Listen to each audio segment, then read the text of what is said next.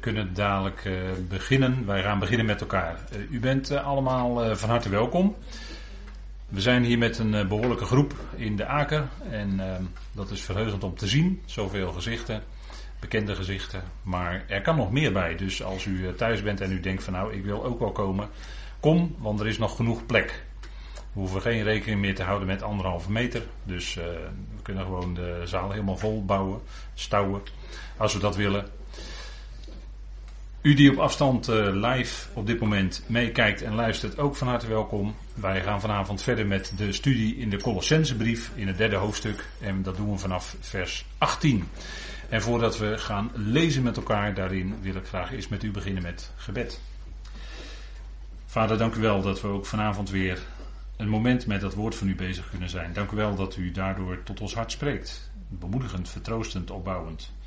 En we danken u dat we dat woord hebben om met elkaar te delen. Het is rijk, het is veel. We danken u voor al die geestelijke zegeningen die we in Christus Jezus hebben ontvangen, te midden van de hemelingen. Dank u wel dat u ons een geweldige toekomstverwachting geeft, dat u ons geestelijk gezien al in Christus hebt geplaatst, te midden van de hemelsen. En dank u wel voor dat lotdeel daar, Vader, dat we dat in de geest al mogen bezitten. We danken u dat u ons maakt tot burgers van een rijk in de hemelen, waaruit we ook die redder verwachten, onze Heer Jezus Christus. En die zal spoedig gaan komen. Vader, we danken u dat we daarna uit mogen zien. We danken u dat we ook deze avond hebben om dat woord te delen.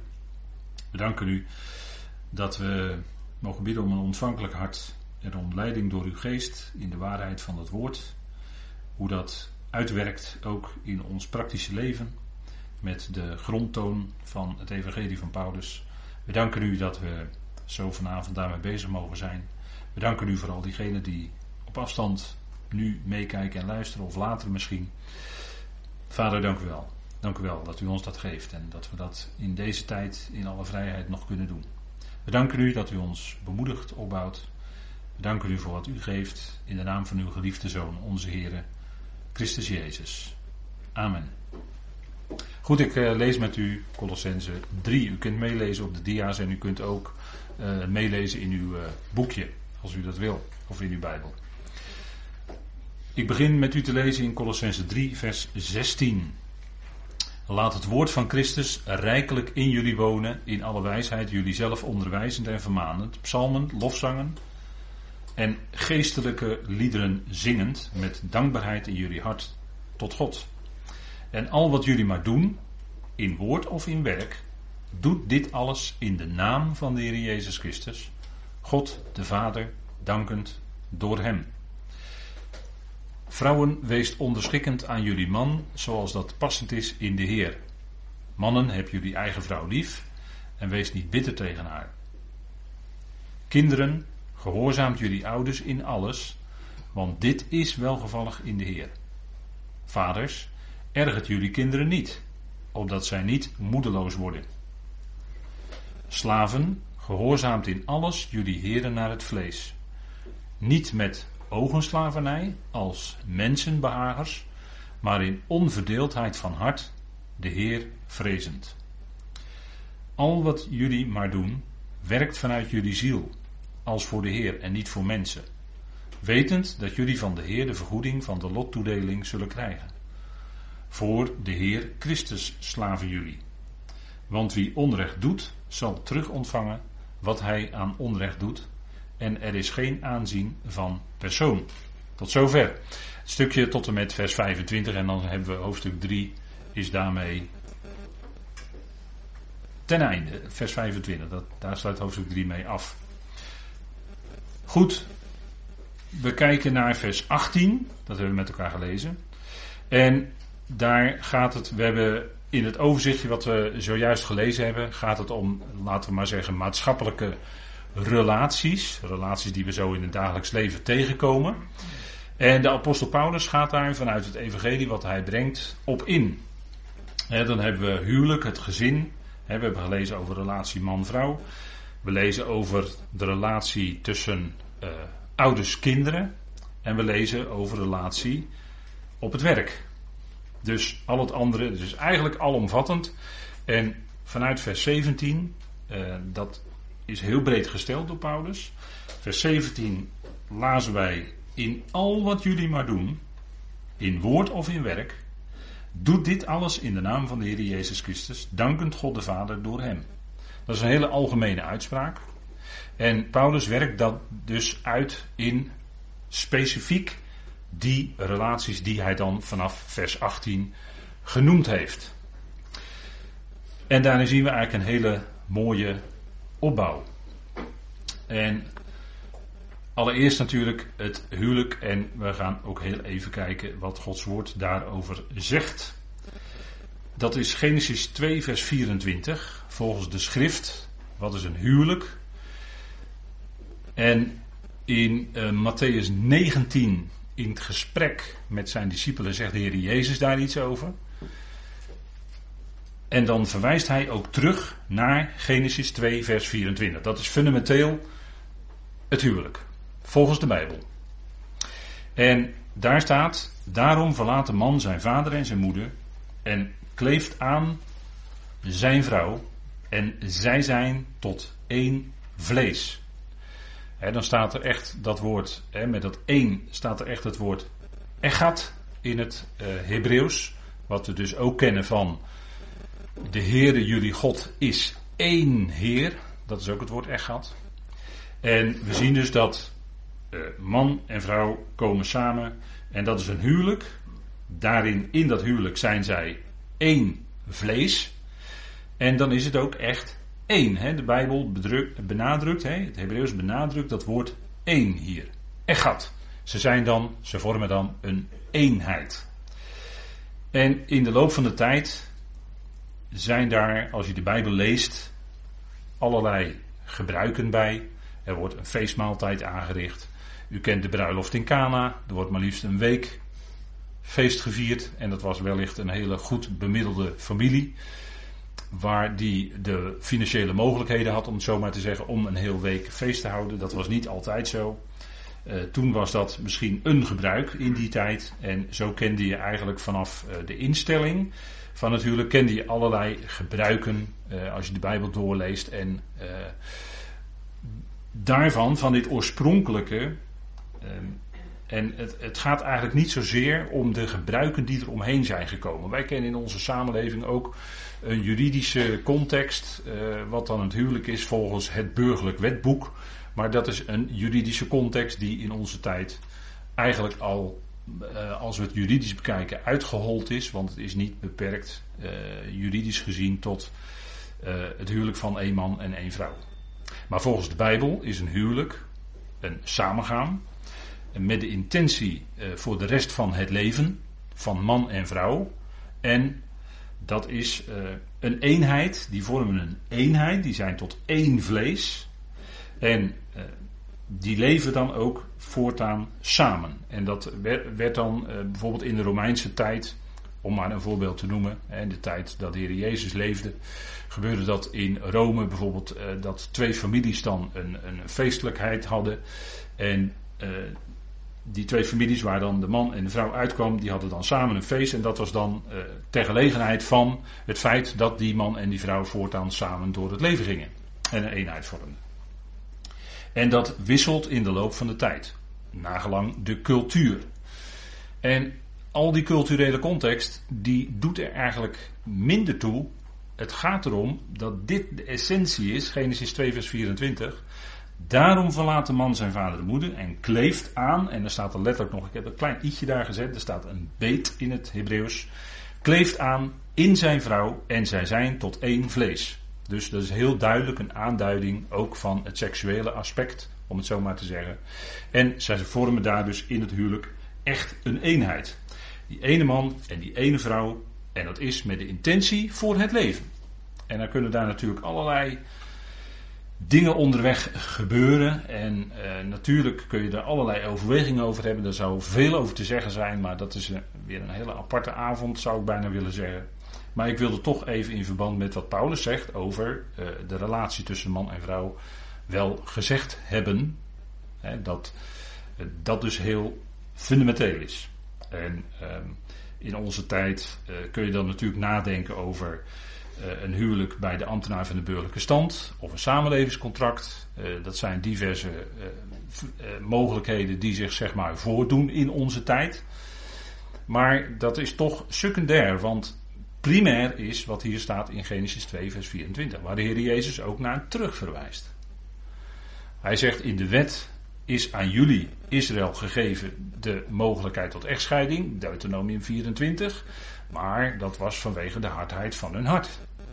En de Heer Jezus zegt daar ook bij, van het begin af is het niet zo geweest. En dan wijst hij dus terug naar Genesis 2 vers 24, daar gaat het om. Dat is de essentie. En van daaruit, hè, dat is eigenlijk de basis, van daaruit krijgen we ook deze opmerkingen die Paulus maakt. En dan wordt het bij Paulus dus heel specifiek gemaakt richting de leden van het lichaam van Christus. Hè, zoals wij hier ook zitten, allemaal leden van het lichaam van Christus. Wat wereldwijd is, wat niet beperkt is tot EH, wat niet beperkt is tot Rotterdam, wat niet beperkt is tot Zuid-Holland. Nee, wereldwijd. Iedereen die gelooft dat Jezus stierf en opstond, die hoort bij die gemeente die het lichaam van Christus is. Allemaal gradaties van kennis, met allemaal gradaties van uh, mist van traditie, al dan niet. Dat doet er niet toe. Dit wordt gezegd door Paulus tegen de leden van het lichaam van Christus. Nou, dat is denk ik goed om dat te zien. En Paulus doet dat in balans. Hè. Dat is ook in uh, Efeze 5. Hè. Dit is dezelfde lijn eigenlijk die Paulus trekt als in Efeze 5 als hij het over het huwelijk heeft. Dan is het aan de ene kant wordt er iets gezegd tegen de mannen en aan de andere kant wordt er iets gezegd tegen de vrouwen. En dat is in balans. Dat is van beide kanten. Dat is natuurlijk logisch. Vrouwen weest onderschikkend en mannen heb jullie vrouw, heb jullie eigen vrouw lief staat er dan. Hè? Dus dat is heel duidelijk wat Paulus hier aangeeft, hè? die twee kanten. En als we dus dit stukje ingaan, vers 18 tot en met 25, dan kun je er eigenlijk bij zeggen: het eerste woord waar je, wat je tegenkomt, het eerste, zeggen wij dan altijd, werkwoord, is onderschikken. En dat is eigenlijk waar het in al die relaties, als, als u dit met aandacht, en dit is natuurlijk een bekend stukje, heeft u vast vaker gelezen, dan is het thema onderschikking, uh, dat doorademt eigenlijk dit hele stuk. En dat is eigenlijk het doel van God. Het gaat om onderschikking. Dat is eigenlijk de bedoeling van het hele plan van God. Dat is ook de uitgedrukte wil van God, die hij in 1 Corinthië 15 bekend heeft gemaakt. En daar gaat God ook komen. Dus de wil van God, dus gaat hij daar ook komen. Dat kunnen wij niet dwarsbomen, nee. Die wil van God, die gaat helemaal tot volheid komen als God alles in alle is. En wat is dan de situatie? Dan is de situatie dat alle schepselen aan hem onderschikkend zijn. Dat is de eindsituatie en dat is de eeuwigheidssituatie, om het zo maar te zeggen. En dan zijn we voorbij het plan van Eonen, dat is dan afgesloten. Dat is dan de oneindigheid, is dan gekomen. En in die oneindige heerlijkheid zijn al die schepselen onderschikkend aan God. Dat is zoals het blijft. En op weg daar naartoe, dan zou ik het natuurlijk heel populair kunnen zeggen, kunnen wij als gelovigen oefenen, oefenen in onderschikking. En alle relaties waar God ons in zet, is als het ware een training in onderschikking. Onderschikking aan God is eigenlijk de normale positie van ons als schepselen. En daar waar de mens dat niet wil, of daar waar de mens probeert te ontsnappen aan die onderschikking en een verkeerd soort vrijheid nastreeft, daar zul je zien dat de zaken niet kloppen en er ook lijden is en verdriet. Dat is punt. En dat is omdat men, eh, omdat dat schepsel, en dat is natuurlijk de inwerking van het sterven, dat is de inwerking van de dood, als ik het over de mensen heb. Dat is dat het schepsel in opstand is tegen God en zich niet aan God wil onderschikken. En daar zit altijd die grens waar, waar de vonken ontstaan, hè, waar, waar, de, waar, de, waar, de, waar, de, waar het lijden, waar het verdriet uh, doorkomt. Maar dit is het doel van God. En allereerst is dat natuurlijk, en belangrijkste is dan de zoon zelf. De zoon zelf, Christus. En aan hem zul, zal alles eerst onderschikkend gemaakt worden. Dat lezen wij in Efeze 1, vers 22. En er staat: En alles Efeze 1 vers 22. En alles onderschikt hij onder zijn voeten.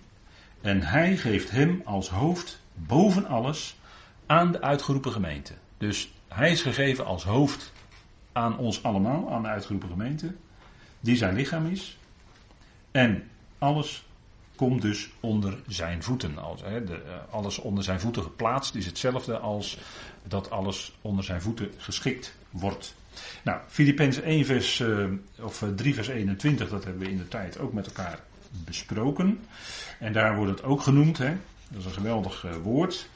Er staat die ons vernederd lichaam zal omzetten, gelijkvormig aan zijn heerlijkheidslichaam, in overeenstemming met de werkzaamheid die hem zelfs in staat stelt het al aan zichzelf te onderschikken. Dus Christus beschikt over die enorme kracht waardoor hij het al aan zich kan onderschikken. En dat zal hij ook doen. Alles zal onder zijn voeten komen. Alle vijanden zullen buiten werking gesteld worden. Zelfs de dood, de tweede dood, als laatste vijand. Ook die. En alles zal aan hem ondergeschikt zijn. En uiteindelijk, uiteindelijk, in Hebreeën 2, nou dat kunt u zelf nalezen, het zijn ook bekende woorden, maar daar staat het ook. Uiteindelijk zal de Zoon van God zichzelf ook onderschikken. Hè? Als dat moment daar is, dat alles aan hem, het al, aan hem onderschikkend is.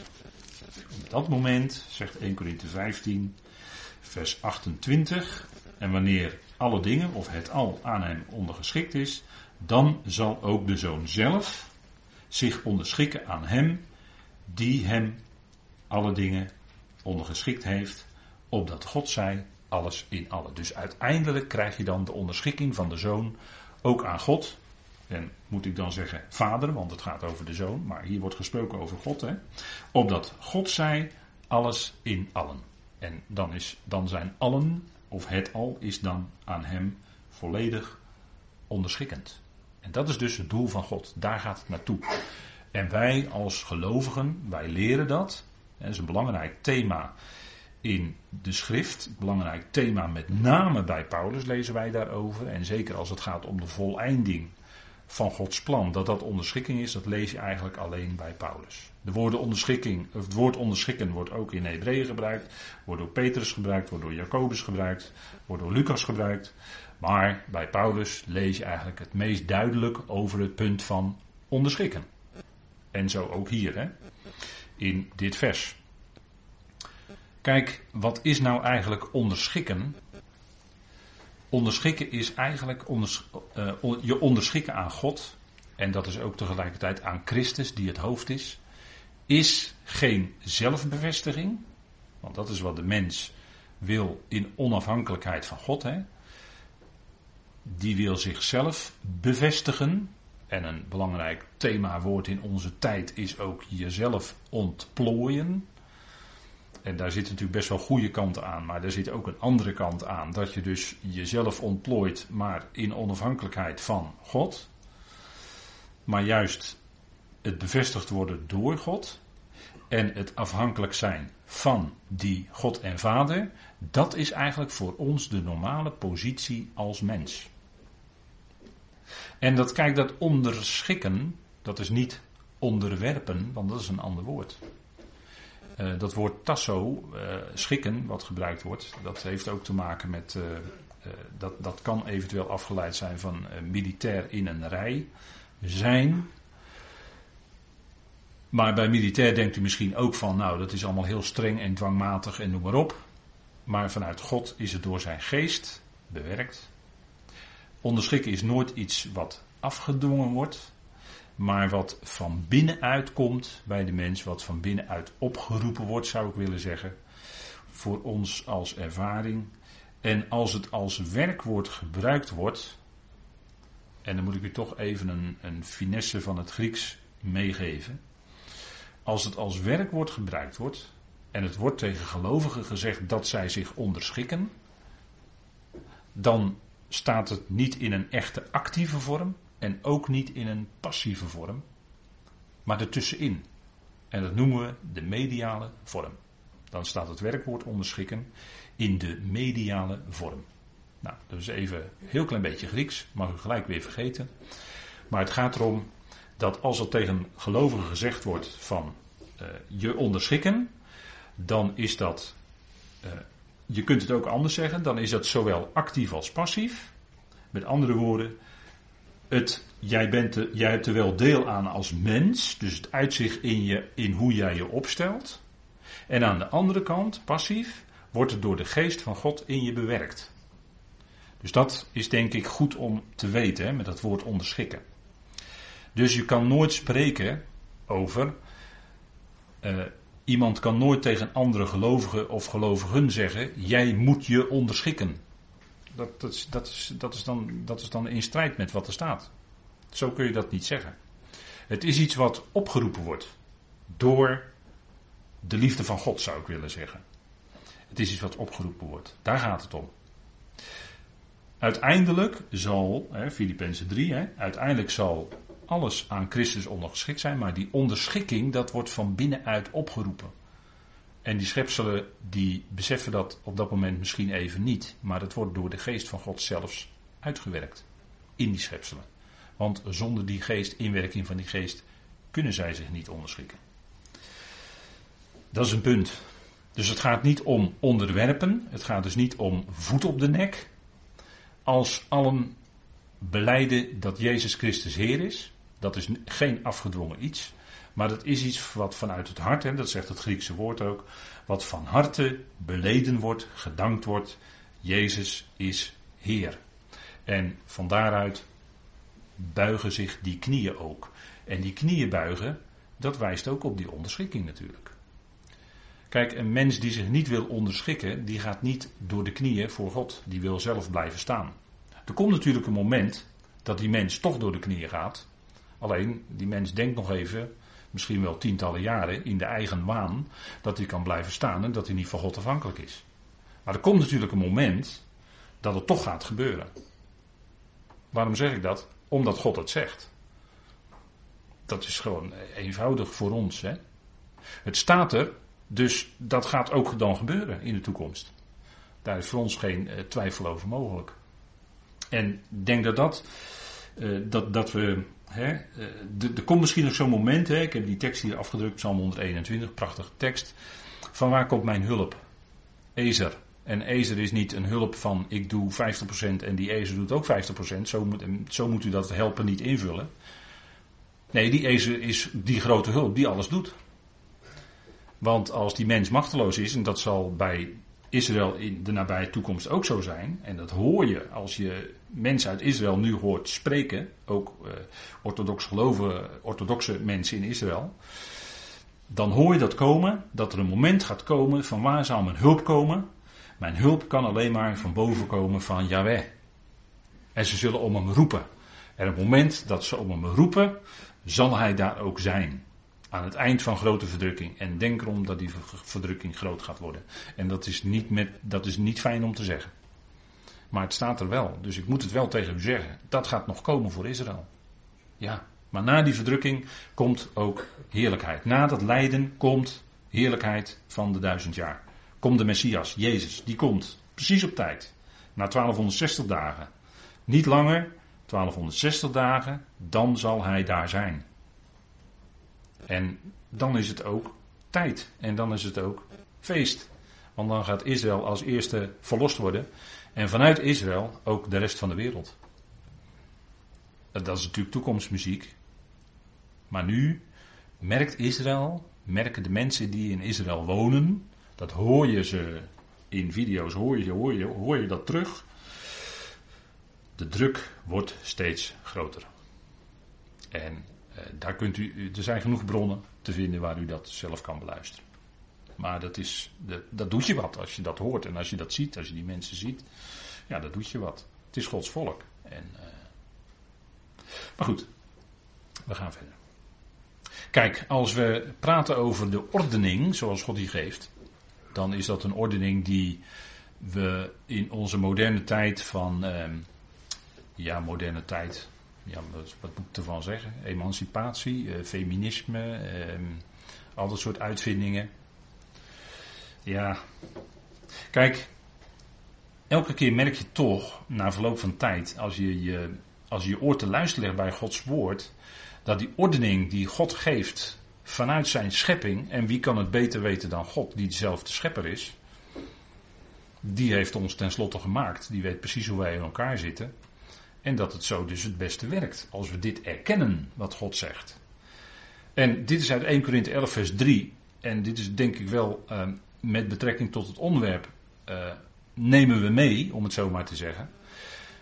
God is het hoofd van Christus, zegt Paulus daar, 1 Korinthe 11 vers 3. En dat klonk niet aangenaam voor de Corinthiërs. Dat klonk niet aangenaam. Want die waren ook onder invloed van allerlei filosofie, onder invloed van allerlei, noem maar op, in die tijd. Hè. Honderden jaren lang hadden, had men al gefilosofeerd in Griekenland. En had men allerlei uh, ideeën over, en in Rome en noem maar op. Maar Paulus zegt, juist tegen de Corinthiërs, God is het hoofd van Christus. Christus is het hoofd van de man. Dus dat zou iedere man goed beseffen dat Christus het hoofd is.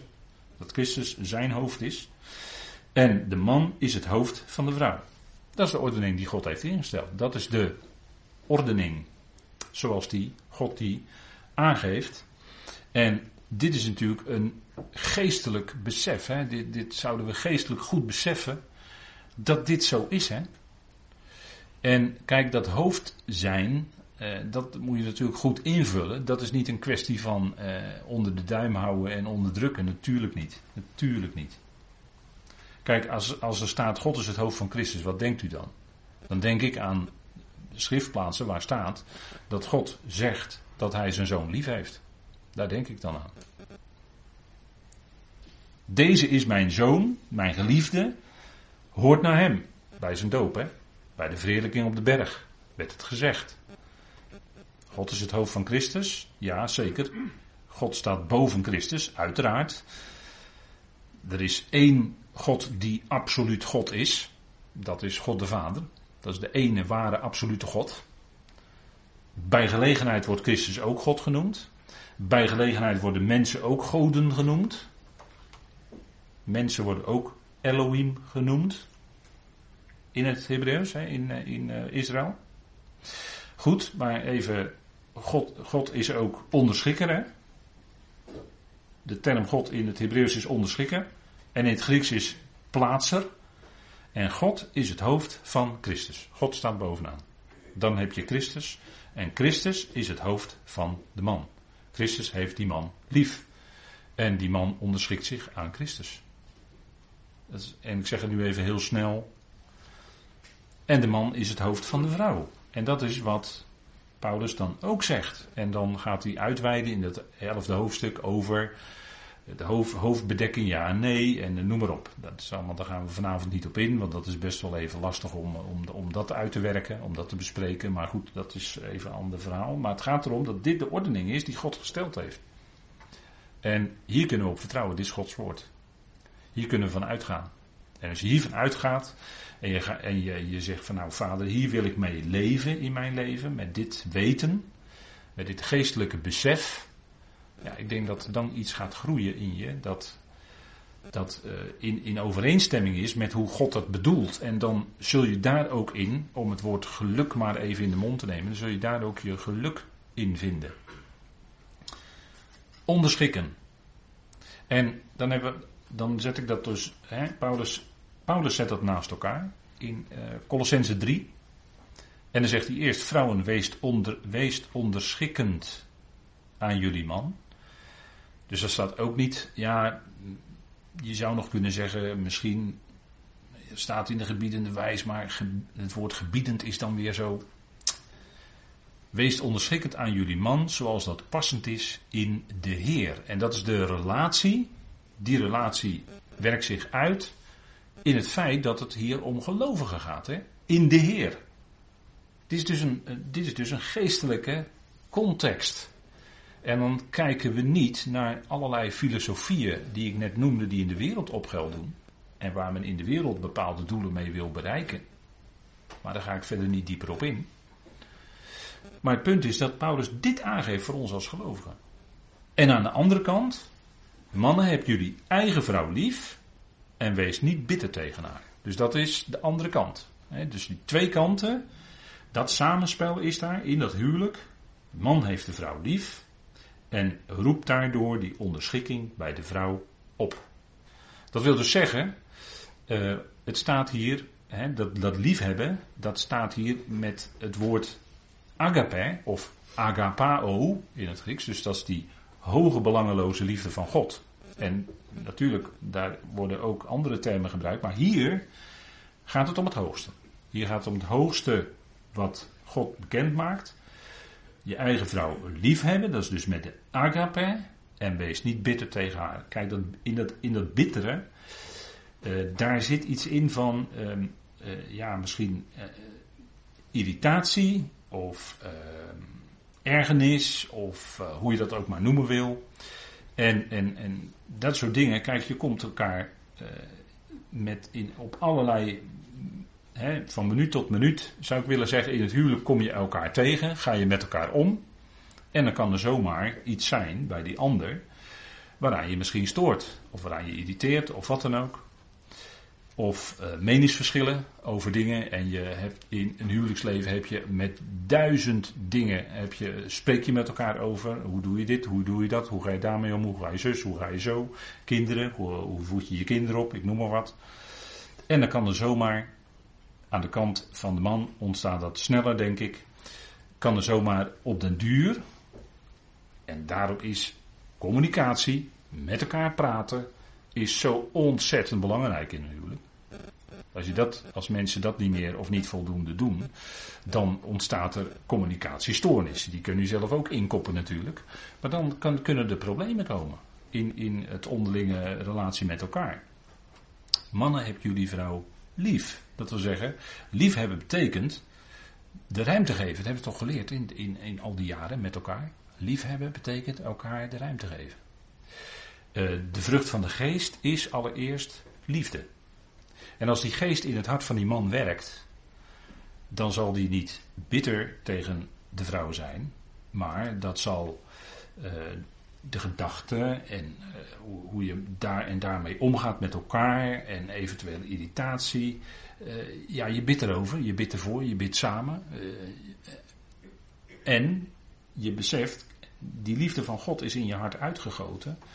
En dat maakt hoe je de dingen doet en beleeft, de scherpe kantjes gaan er vanaf. Scherpe kantjes gaan er vanaf. En juist met woorden kun je de ander zo onaangenaam raken. En ik denk juist dat, hè, we, praten over, we hebben het over communicatie met elkaar, dat dat ongelooflijk belangrijk is. Dat juist die scherpe randjes in de communicatie er vanaf gaan. En dat is een leerproces. En in spreuken staat ook wel een woord waar staat uh, de ene mens, uh, het is net uh, twee mensen bij elkaar, kan soms net, hoe, hoe, staat het daar precies, maar dat, dan gaan die scherpe kantjes vanaf. Dat, dat, dat raken elkaar, maar de scherpe kantjes gaan er vanaf. Ja, oké, maar we zijn hier dan wel een, een stap verder in het evangelie van Paulus. Het evangelie van de genade. En we leren, we hebben eerder in dit hoofdstuk geleerd, want dit is natuurlijk een vers dat, dat dan even nu naar voren komt, maar er staat wel in een tekstverband. En in het tekstverband hier staat dat we in het lichaam van Christus elkaar genade schenken zoals God in Christus ons genade schenkt. Hebben we gelezen met elkaar. Colossense 3. Eerdere versen. Staat ook in Efeze, heel duidelijk. Parallel.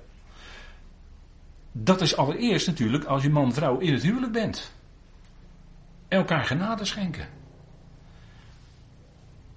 Die ander, als er, als er iets misgelopen is, of die ander heeft misschien iets uh, niet goed gedaan, dan, dan hoef je toch niet bij elkaar uh, vergeving te vragen. En moet die ander eerst vergeving geven en dan is het weer goed.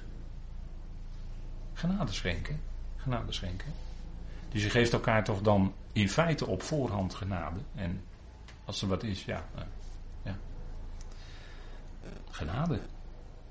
En als je dat toepast, dan denk ik dat dat op een hele bijzondere manier werkt. Kijk, er wordt wel eens gezegd van uh, hè, mensen die. Uh, mensen zeggen wel eens, als het gaat over onderlinge relaties in het huwelijk.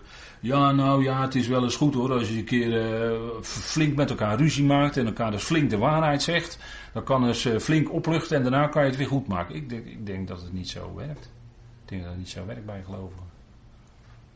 Ik denk dat het anders werkt. Ik denk dat je met elkaar altijd in dat gesprek bent. In een gesprek met de Heer bent. En dat je dit beseft, die geest van God werkt in je. En vanuit die geest, hè, die vrucht van de geest, vanuit die geest, hè, vanuit die vrucht van, en dat is allereerst liefde, maar in dat liefde, die agape, daar zit eigenlijk alles in. Hebben we gezien, hè? Uh, vrede, vreugde, goedheid, geduld. Geduld. Zeker als je met elkaar al uh, in huwelijk tientallen jaren op weg bent. Dat is heel fijn. Geduld met elkaar. God heeft toch geduld met jou ook. En dus ook met die ander. Geduld met elkaar. En wees niet bitter. En, er kan zomaar heel snel iets, iets ontstaan waardoor je een bittere reactie geeft en waarmee je de ander dan met je woorden verwondt. Dat is niet fijn, want dat blijft hangen. En dat gaat niet zo snel meer weg. Ik denk dat ze met die woorden heel erg oppassen. En een, uh, broeder nog zei in zijn commentaar hierop, in, dit, in zijn commentaar wat hij hierop gaf. Die zei: Kijk, wat, is nou bij de, wat ligt nou bij de man? De man gaat niet bij de vrouw de wet opleggen, maar die heeft de vrouw lief. Eventjes voor het contrast, hè? Kijk, de man gaat niet de vrouw onderwerpen van nou moet je dit en nou moet je dat en dan moet je zus doen en je huishouden moet je zo doen. Nee. Nee. Dat is vanuit liefde met elkaar omgaan en elkaar helpen. Dus, en, en in alles tot hand en tot voet willen zijn. Elkaar niet veroordelen. Ook niet in je hart, onuitgesproken, want dat geeft op den duur die verbittering in je. Dat is niet de bedoeling. Belangrijk punt, hè, geeft Paulus hier toch aan. Even met een, met, met een paar woorden geeft hij de kern aan waar het om draait, waar in feite alles uit voortkomt hoge, belangeloze liefde. Kijk eens hoe God met jou omgaat in het Evangelie. Christus heeft voor de gemeente, maar voor, voor iedereen natuurlijk, en maar allereerst voor zijn God en Vader, heeft hij zich zelf totaal overgegeven. En wat doet Christus nu? Hij geeft zich nu zelf totaal over voor wie? Ook voor de gemeente. En Paulus die Leg dan in Efeze 5 heel mooi neer de overeenkomst van man en vrouw in het huwelijk en van Christus en de gemeente. En Christus is het hoofd en die geeft zich over voor zijn gemeente. Die geeft zich voor zijn gemeente. En ik denk dat dat voor jou als man in het huwelijk een geweldig voorbeeld is. Want wij willen toch navolgers van Christus zijn. Navolgers van Christus. Nou, dan geef je je over voor diegene die God aan jouw zijde heeft gesteld in jouw leven. Want de man of vrouw waarmee je getrouwd bent of waarmee je door het leven gaat, dat is diegene die God aan jou gegeven heeft. God, de plaatser, die heeft diegene in jouw leven geplaatst. Nu. Dit moment. Als dat zo is in uw leven. Dat is. En daar is het zaak om, uh, om God voor te danken als mens kun je zo snel aan kleine dingetjes irriteren. Maar dank God voor die ander die God aan je zijde heeft gesteld. Kostbaar. En als die man die vrouw echt lief heeft, met die liefde van God, die agape, dan roept dat bij die vrouw op zich willen onderschikken aan die man. En daar maken we toch onderscheid, dat hebben we ook uh, gezien bij de bestudering van uh, de overheid onderscheid tussen onderschikken en gehoorzamen. Daar is, daar is verschil tussen, want we komen in de volgende verse het woord gehoorzamen bij de kinderen tegen. Maar hier niet. Hier niet. Hier wordt het woord onderschikken. En in Efeze 5 en in Titus 2 wordt steeds bij de vrouw het woord onderschikken gebruikt, niet het woord gehoorzamen. Even goed tot u door laten dringen, want, want met eh, als het gaat om de overheid, is het ook dat de gelovige zich onderschikt aan de overheid. Dat de gelovige onderschikkend is, moet ik eigenlijk zeggen. Dat de gelovige onderschikkend is aan de overheid, maar het woord gehoorzamen wordt niet gebruikt. En dat is denk ik goed om dat tot je door te laten dringen en daarover na te denken. Daarom zeg ik ook, het is in de relatie man-vrouw steeds dat onderlinge overleg. Het is niet zo dat de man steeds dingen zegt en dan moet de vrouw dat doen. Nee, zo werkt het niet. En zo gaat het ook niet werken. Dan is het klem. Dan wordt het op de duur wordt het klem. En klem is niet van de geest van God. Klem is dwang. En dwang is niet van de geest van God. Dus dat onderschikken is iets wat van binnenuit opgeroepen wordt. En als dat zo functioneert, dan zegt Paulus er ook bij, zoals dat passend is in de Heer. Het is passend in de Heer. Als in die relatie als gelovigen met elkaar in de Curios. We kijken opwaarts naar de Heer. Heer, hoe wilt u het? Nou zo, zegt Paulus. Hij geeft dat via Paulus aan ons door. En, en, Paulus kan ik ook net zo goed dan even gemakshalve nu weglaten. Het is de Heer gewoon die het tegen ons zegt. En dat het door de pen van Paulus is gegaan, oké. Dus dat, is, dat zijn de lijnen. Hè? En als dat zo werkt, dan groeit dat tot iets geweldig, iets geweldigs harmonieus. En, en dan zegt u, ja, het is nou allemaal prachtig wat je zegt en het klinkt allemaal heel mooi, maar nu de praktijk. Ik heb het met u net gehad over de praktijk. En ik weet wel dat de praktijk best wel eens weerbarstig kan zijn. En dat het best wel eens lastig is. En dat in het begin in een huwelijk allemaal roze wolkjes zijn en dan komen de kinderen. Ja, dan wordt het uh, soms heel erg confronterend. En dan, uh, dan als man en vrouw daarop inspelen, op die kinderen die gekomen zijn. Ja, dat kan. En er zijn allerlei lastige situaties. En ieder kind is anders. Daarom is opvoeden zo ongelooflijk moeilijk, want je kunt niet vier kinderen op dezelfde manier opvoeden, omdat ieder kind gewoon anders is. En ik kan ook niet tegen u zeggen hoe u uw kind moet opvoeden, want dat is uw kind en dat is mijn kind niet. Dus dat is, dat is, eh, er is geen handboek. Ja, de, de boekentafels overal her en der in de christelijke wereld liggen vol met zulke boeken. En daar wordt goed geld aan verdiend.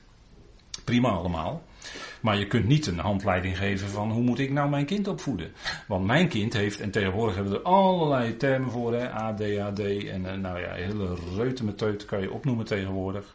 En natuurlijk, er zijn dingen die, die aan een kind soms speciaal zijn. En het is goed dat daar naar gekeken wordt, zodat je weet hoe dat bij dat kind werkt en wat het nou is. Zodat je eh, goed ermee om kan gaan, om het zo maar te zeggen. Maar ieder kind is anders, dus kan je, dat kan je niet zeggen. Een, een, oude, oude docent van mij op de Bijbelschool, die inmiddels jaren geleden al overleden is, maar die had, uh, meen ik, zeven of acht kinderen. En uh, die zei op een gegeven moment van nou, toen ze allemaal de deur uit waren, nou heb ik acht kinderen opgevoed, maar als je mij nou vraagt hoe moet je kind opvoeden, kan ik je niet zeggen hoe je het moet doen. Ik denk, nou, dat broeder, dat is heel wijs dat u dat zo zegt. Daar heb ik ook veel aan gehad. Want je kunt het niet allemaal zo even uittekenen. Paulus geeft dan ook hier aanwijzingen die de kern aangeven. Hier, gaat het, hier geeft hij heel mooi de kernen aan. Van de kant van de man liefhebben. Dat wil dus ook zeggen, liefhebben wil dus ook zeggen zich overgeven voor diegene. En aan de andere kant het onderschikken. Zoals de man zich ook onderschikt aan Christus. Want laten we dat natuurlijk wel even vaststellen. Bij de vrouw wordt het woord onderschikken gebruikt, maar voor de man geldt het precies eende ten opzichte van Christus. De man onderschikt zich aan Christus, want Christus is het hoofd van de man. Dus ook voor de man geldt het punt van onderschikken net zo goed. En als beide dat doen, die kijken naar de Heer, wat is uw ordening? Hebben we net gezien, 1 Corinthië 11. En van daaruit wil ik dan leren denken en hoe, hoe we kunnen leven. En dan zul je ontdekken dat dat de weg is die toch ja, veel, laat ik maar zeggen, die veel fijne momenten geeft. In de zin van fijn dat, het, dat je ziet hoe het zich in de praktijk uitwerkt. Dat het fijn is. En uh, ja, dat, dat is uh, denk ik belangrijk als die facetten. En, en, natuurlijk zegt, zegt Paulus daar nog wel meer over. Hè, dat woord onderschikken komt ook in Titus 2 voor als het gaat om de vrouw en Efeze 5 1 Petrus 3, dan wordt in feite dezelfde lijn getrokken als dat we hier lezen. Dus daarin spreekt de schrift eenduidig als het gaat om gelovigen. Bij Petrus wordt ook het woord onderschikken gebruikt. En dat is natuurlijk ook het punt. Kijk, een apostel als Petrus en een Jacobus, die kende ook dat punt van onderschikken natuurlijk. Die kende natuurlijk ook die relatie met God. En dat de, de juiste weg is voor de gelovigen, is het, zich onder, is het onderschikken aan God. Ja, zich is een beetje moeilijk. Dat heeft te maken met, met, met het werkwoord. Ehm, het onderschikken aan God. Het onderschikken aan God. En ik denk dat dat het hoofdpunt is. En van daaruit werkt zich uit. En als dat zich uitwerkt, dan is dat fijn. Dan is het gewoon heel fijn. En dat is, uh, zegt u ja, en kan u nog tegenwerpingen maken. Natuurlijk kunt u tegenwerpingen maken. Van ja, dat het allemaal een mooie theorie is, maar dat het in de praktijk, hè, komma, maar dat het in de praktijk, ja. Ja. Maar toch is dit, blijkt dit de juiste weg te zijn.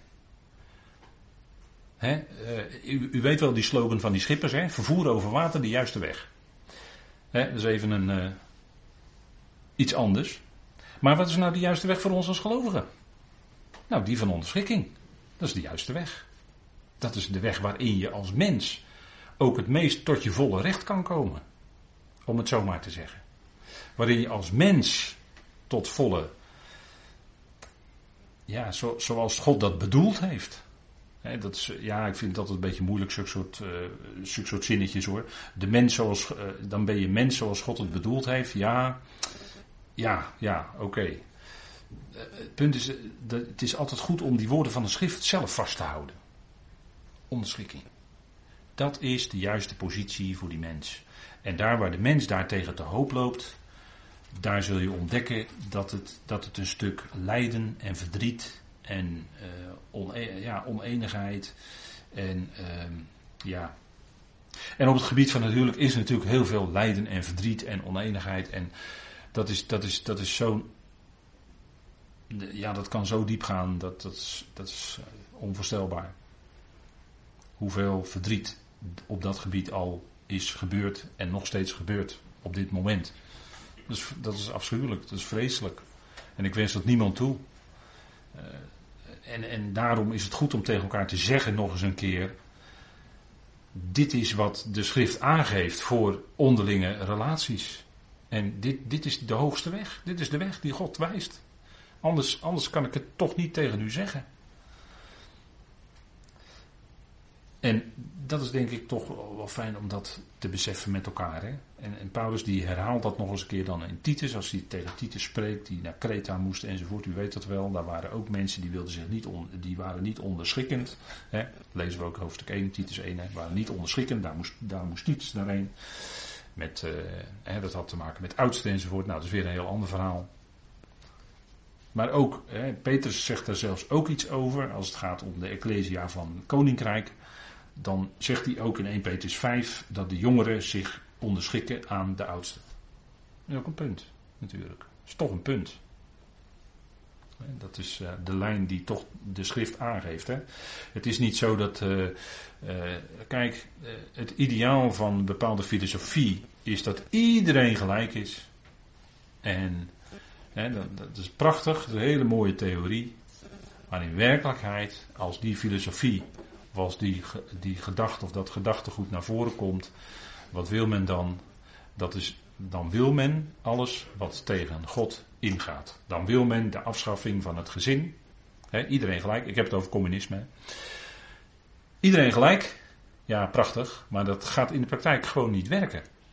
Dat is al uitgebreid gebleken in de geschiedenis. Maar men wil afschaffing van het gezin. Dus kinderen weghalen bij de ouders. En dat gebeurt vandaag de dag.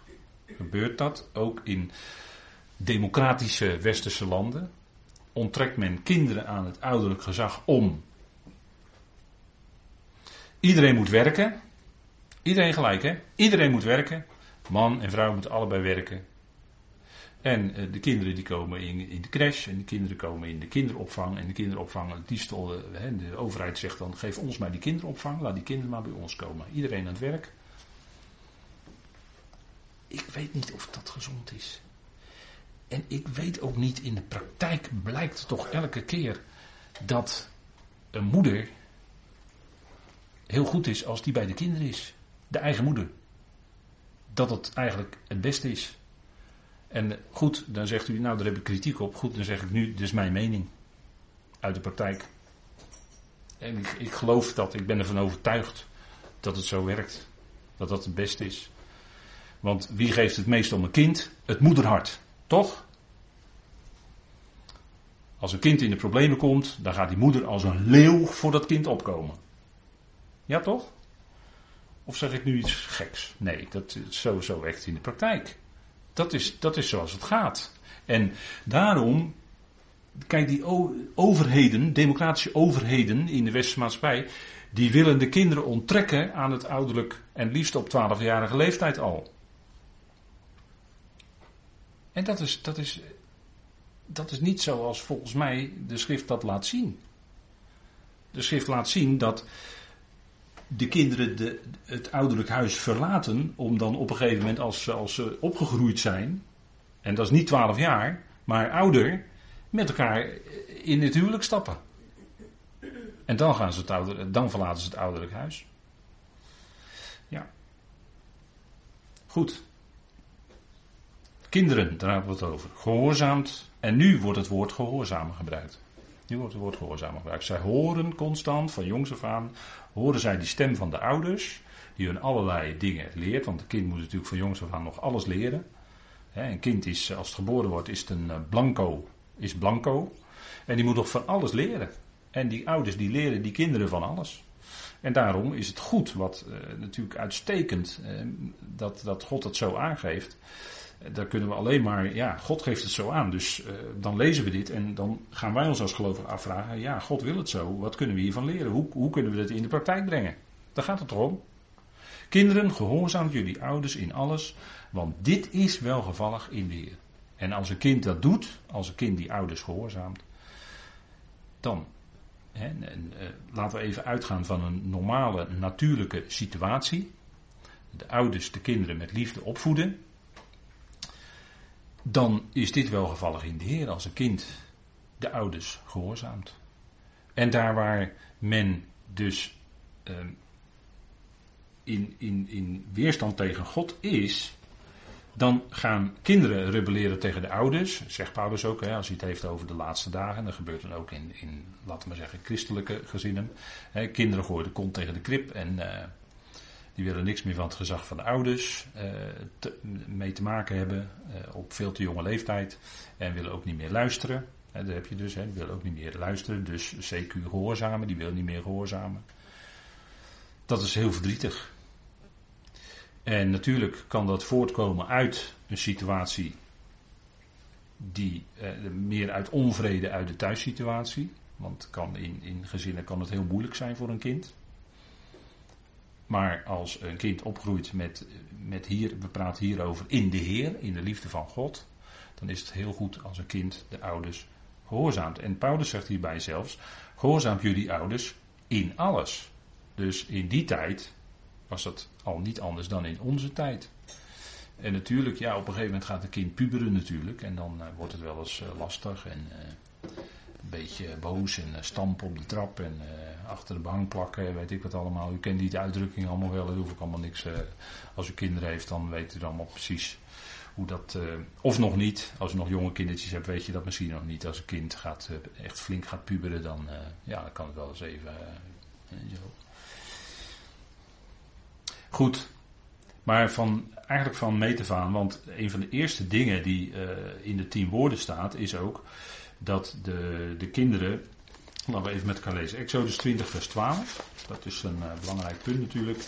En tegen Israël wordt natuurlijk ook het nodige gezegd over de kinderen. Dus van jongs af aan uh, datgene ook horen wat God zegt. Hè. Hoor Israël, hoor. Dat zouden de kinderen al van jongs af aan horen. Daarom leren de kindertjes al van, uh, vanaf drie, vierjarige leeftijd Hebreeuws enzovoort. En dat is heel goed. Dat is heel goed, denk ik. Dat is echt een voorrecht als je dat al zo jong hebt geleerd.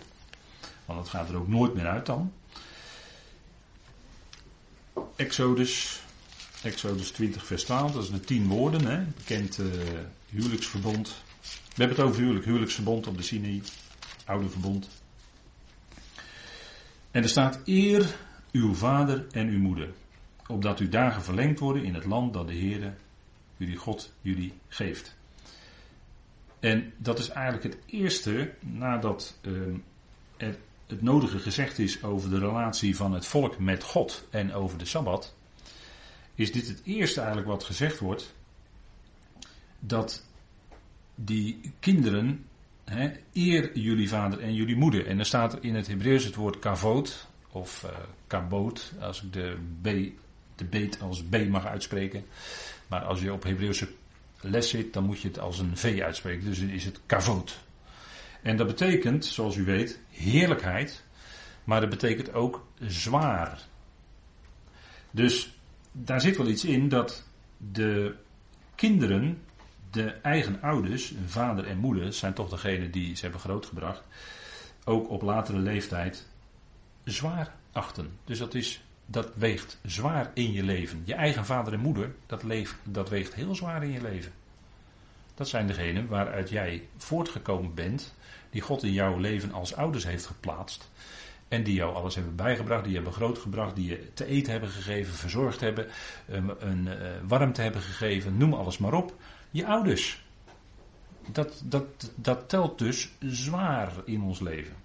En uh, we hebben het over hier kinderen, gehoorzaamt jullie ouders in alles. Natuurlijk, als de kinderen op een gegeven moment de deur uitgaan en samen met iemand anders door het leven een eigen leven opbouwen, een eigen huishouding opbouwen, dan wil dat nog niet zeggen dat uh, de, de wederzijdse ouders dan constant tegen dat nieuwe paar wat samen door het leven gaat en een eigen huishouden heeft gevormd, dat die wederzijdse ouders constant tegen dat paar gaan zeggen: Nou, nou moeten jullie dit, nou moeten jullie dat, nou moeten jullie dat, nou moeten jullie dat. Nee, dan is er natuurlijk een andere situatie ontstaan. En dan is het eigen leven opbouwen. Dan kan het best zijn dat je na verloop van tijd eens vraagt aan je moeder: van, hoe, hoe deed u dat nou? Nou, dan heb je als moeder de gelegenheid om te zeggen: Nou, joh, zo zou je het misschien kunnen doen. Of tegen je vader: Hoe deed je dat nou? Nou, deed zo. Oké.